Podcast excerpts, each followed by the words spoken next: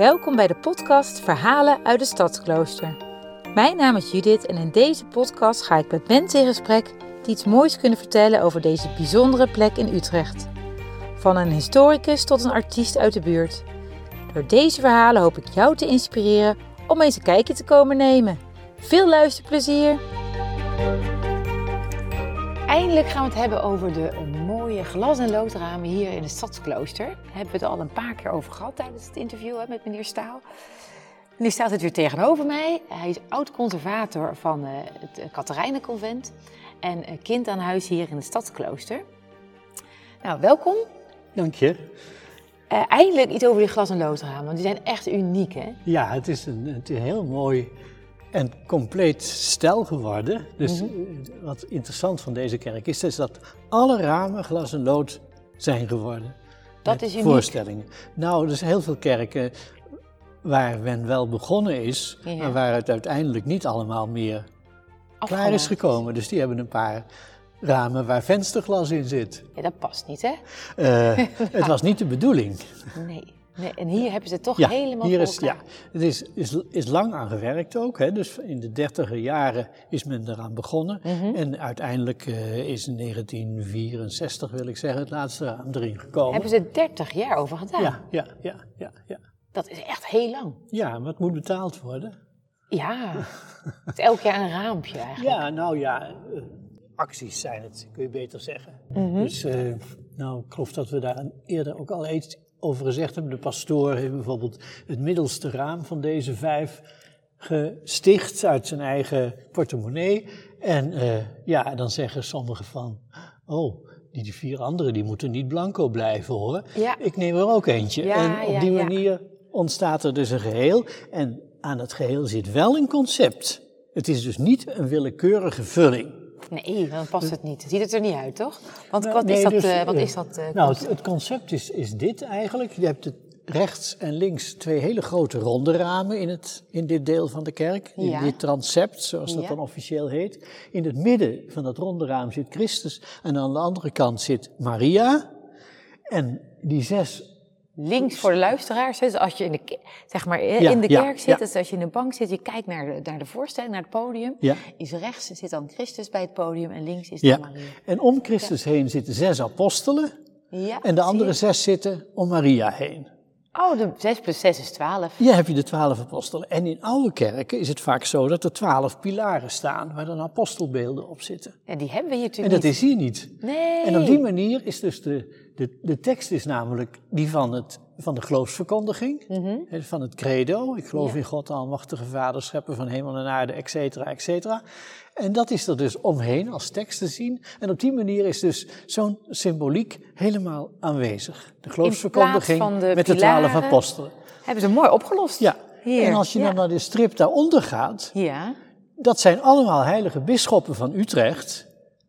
Aan de Van rechterkant Utrecht. Bonifatius, aan de linkerkant Willibrord. Zij zijn de opvolgers van de apostelen en zij hebben het christendom hier gebracht. Hebben ze ook niet zomaar... Hè? Nee, dat Niet is dus echt bedacht door, Ja. nou ja, ik denk door de pastoor in kwestie. Van eh, hoe gaan we dat vullen? Ja. En dan is dit een, een mooi concept. Dus de geloofsverkondiging met de apostelen en daarna de bisschoppen van Utrecht. Ziet er mooi uit en heel kleurrijk, hè? Heel kleurrijk, ja. Ja. Ja, echt een feest om naar te kijken.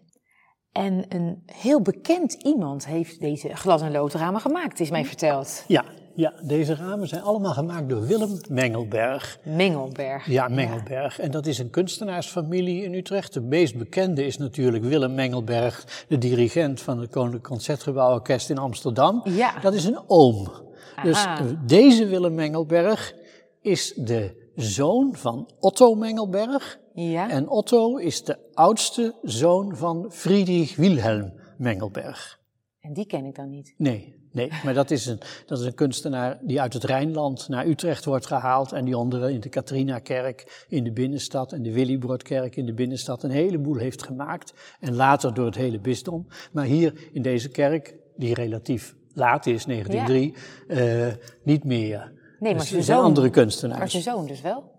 Of een kleinzoon? De kleinzoon. Zijn kleinzoon, kleinzoon. ja. ja. Dus die heeft Wilhelm. hier, eh, Die leefde van eh, 1897 tot 1969. heeft hij precies, want in 1963 of 64 waren de laatste ramen. Ja, ja. Heeft hij nog op late leeftijd heeft hij dat dan gemaakt? Ja, ja, maar die blijft zijn hele leven heel actief in de glasschilderkunst. En ook heel verschillend. Dus je ziet in zijn werk ook een soort evolutie van dat, hier zijn heel figuratieve voorstellingen. Bijvoorbeeld als je naar de Gerardus Majella gaat, die heeft hij ook beglaasd. Dan denk je, is dat ook van Willem Mengelberg? Ja, dan is hij heel erg geïnspireerd door de glas- en loodramen van de kathedraal van Chartres in Frankrijk. Aha. En dan gaat hij op die manier de raamvulling maken. Kijk, dus, inspiratie ja. was ook al in die tijd uh, ja, hartstikke ja, belangrijk. Maar zien we hier ook, want het is natuurlijk 30 jaar over gedaan, dat, dat er een soort evolutie is? In nee, dit is, hier is die, uh, ik zou haast willen zeggen, stijlvast vastgehouden aan de wijze waarop die met de eerste ramen begonnen is. Ja, nee, het ziet er ook allemaal uh, hè? ja. Het, ja, heel kleurrijk, alsof het bij elkaar hoort. Eigenlijk. Ja, het hoort bij elkaar op die manier. Dat is er goed gedaan. Oké, nu hebben we de, de, de mooie ramen in het transept hebben besproken. Nu gaan we even door naar het schip. Ja. Want uh, zeker in deze tijd vind ik dat best wel interessant. Dat aan de ene kant allemaal vrouwfiguren uh, in de glas en lood zijn gemaakt. En aan de andere kant allemaal mannelijke figuren. Ja, dat is uh, bij die grote ronde schippenramen is dat gebeurd. Mm -hmm. En dat zijn ramen die in 1953 zijn gemaakt. Ja. En dan zitten dus in deze kerk de Dominicanen. Ja. Die zijn hier in 1939 ingekomen. Ja, hè? klopt. Hadden we de en, vorige keer ja, dat we ja. besproken. En uh, zodoende zitten dus aan de mannenkant mannelijke Dominicaanse heiligen en aan de vrouwenkant vrouwelijke Dominicaanse heiligen.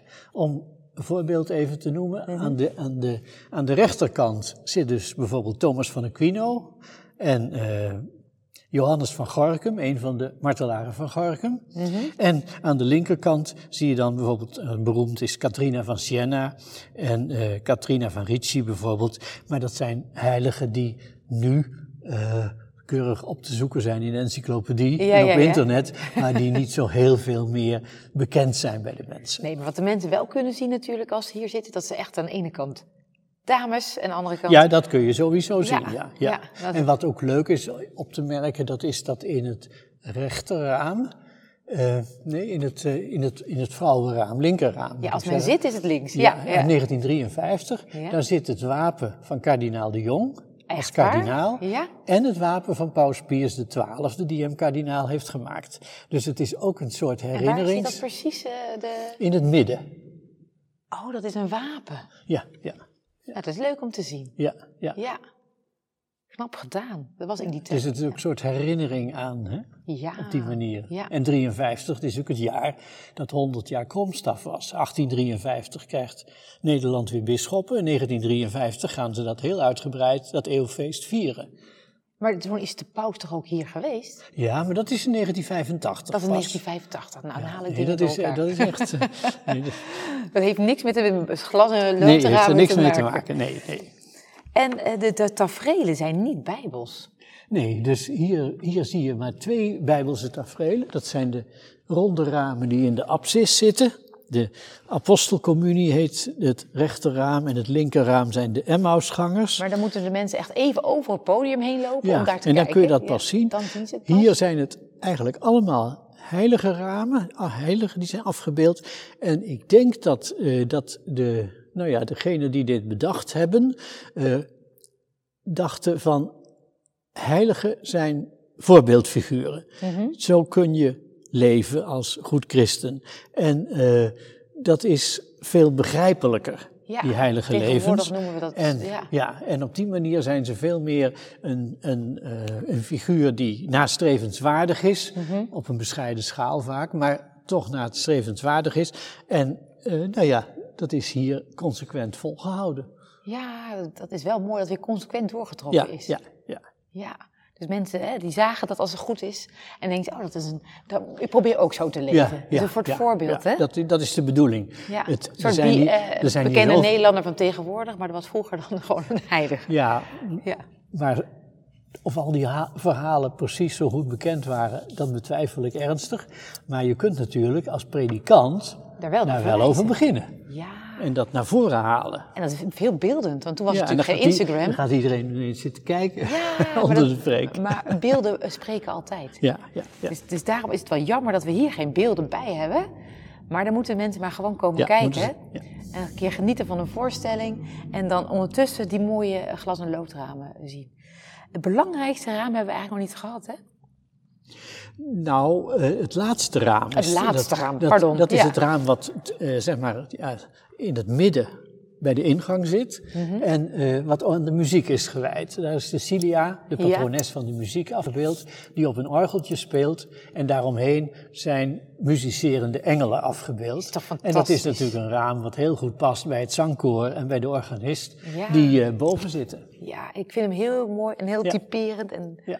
Het licht komt er ook mooi doorheen. En Willem Mengelberg heeft daar dus ja, zeg maar de stijl die hij in die dertiger jaren ramen gebruikt heeft, opnieuw gewoon ge- hergebruikt. Ja, Ja, knap hoor, dat zo Ja. goed doortrekken van ja de stijl. dat hij dat zo heeft doorgetrokken, ja. Dus die is echt heel mooi zichtbaar eh, Ja. ja. boven, boven tijdelijke... eh, Nou ja, Plafond, wat, niet dat, tijdelijk eh, bleek. nee, nee, nee waar, waar het orgel op staat. Nou, dan hebben we eigenlijk een heel mooi rondje gedaan van alle, van alle glas- en loodramen. Nou, niet alle. Dus eh, onder die grote ronde schipramen zijn ook nog kleinere ramen aangebracht. Hè? Ja, En de dat- heiligen waren dat toch? Ja, en, Ja. En, maar dat zijn echt typische schenkingen. Dus er zit bijvoorbeeld eh, een, een heilige familie, Jezus, Maria en Jozef. En dat is een schenking van, het heilig, van de, eh, van de congregatie van de heilige familie. En er staat Jozef Werkman en dat heeft te maken met de katholieke arbeidersbeweging. En op die manier zijn dus daar Ook, schenkingen... ook groepen die samen ja, ja, iets... die dan een raam schenken, als groep. Ja. Ah, wat mooi. Ja, ja. En pastoor van Ars is er bijvoorbeeld bij. Dat was de, dat was de patroon van de pastoors. Ja. Dus die is waarschijnlijk door een pastoor zelf betaald. Ja, ja, ja, die wilde zichzelf heel Ja. graag... eh, En het laatste raam ja. is Martinus, de stadspatroon bijvoorbeeld. Dus dat is een willekeurige groep. Ja. Vincentius is erbij, van de. Vincentiusverenigingen. ja, waarschijnlijk heeft Vincentius dat zelf... ja, ja. Wauw, in plaats van billboards maakten ze eigenlijk vroeger dan gewoon hele mooie glas- en loodramen. ja en, en iedereen herkent dat ook in die tijd. Die, die, dat zijn echt beken, hele bekende heiligen. Ja, En, eh, en dat associeer je dan meteen met de club die, ja, die die dat die waarschijnlijk naam heeft, heeft. ge- gedoneerd heeft. Ja, En dat is echt een middenschip, hè? Aan de ene kant eh, ja, onder, onder, onder Ja, Jezus en ja. aan de andere kant onder Maria. ja, ja, ja. Nou, mooi. Heb ik nou nog, misschien nog een raam vergeten die je nu graag wil... eh, Nou, eh, niet echt vergeten, maar in de apsis zitten ook een aantal ramen. de apsis, dat is eventjes... Hè, dus even achter het altaar en dat ronde gedeelte, In dat hè? ronde gedeelte, dat zijn ook een aantal ramen. En die hebben allemaal te maken met de Eucharistie, met de mis zelf, die Ja. aan het hoogaltaar werd opgedragen. dat zie je met ook in het inderdaad. midden, maar die kon je natuurlijk, voordat hier het stadsklooster inkwam, nauwelijks zien, omdat er een altaar voor stond. Ja. Maar dat is dus Christus met de hostie in de hand, Christus Eucharisticus. Ja, Heet dat ja. officieel in de... Mooi ook van kleur. Volgens mij staat de avondzon er nu op. Ja. Heel mooi van kleur, ja. Mooi, een mooie afsluiting, denk ik, van de- dit verhaal over de glas- en loodramen. Ehm, nou, ik hoop dat mensen ervan hebben genoten en eh, het graag een keertje komen bekijken. Ik wil u hartelijk bedanken voor alle informatie die u eh, zomaar uit uw hoofd hier kon vertellen. Ja. Heel hartelijk bedankt. Nou, graag heb ik het gedaan. Wat superleuk dat je naar deze aflevering hebt geluisterd. Als je nog meer verhalen wilt horen uit het Stadsklooster, abonneer je dan op onze podcast in je eigen podcast-app. En mocht je nog iemand kennen voor wie deze aflevering ook interessant is, stuur het verhaal dan vooral door. Want hoe meer mensen onze verhalen kennen, hoe meer het Stadsklooster gaat leven. En dat is uiteindelijk de bedoeling. Nogmaals dank voor het luisteren en tot de volgende aflevering. Doeg!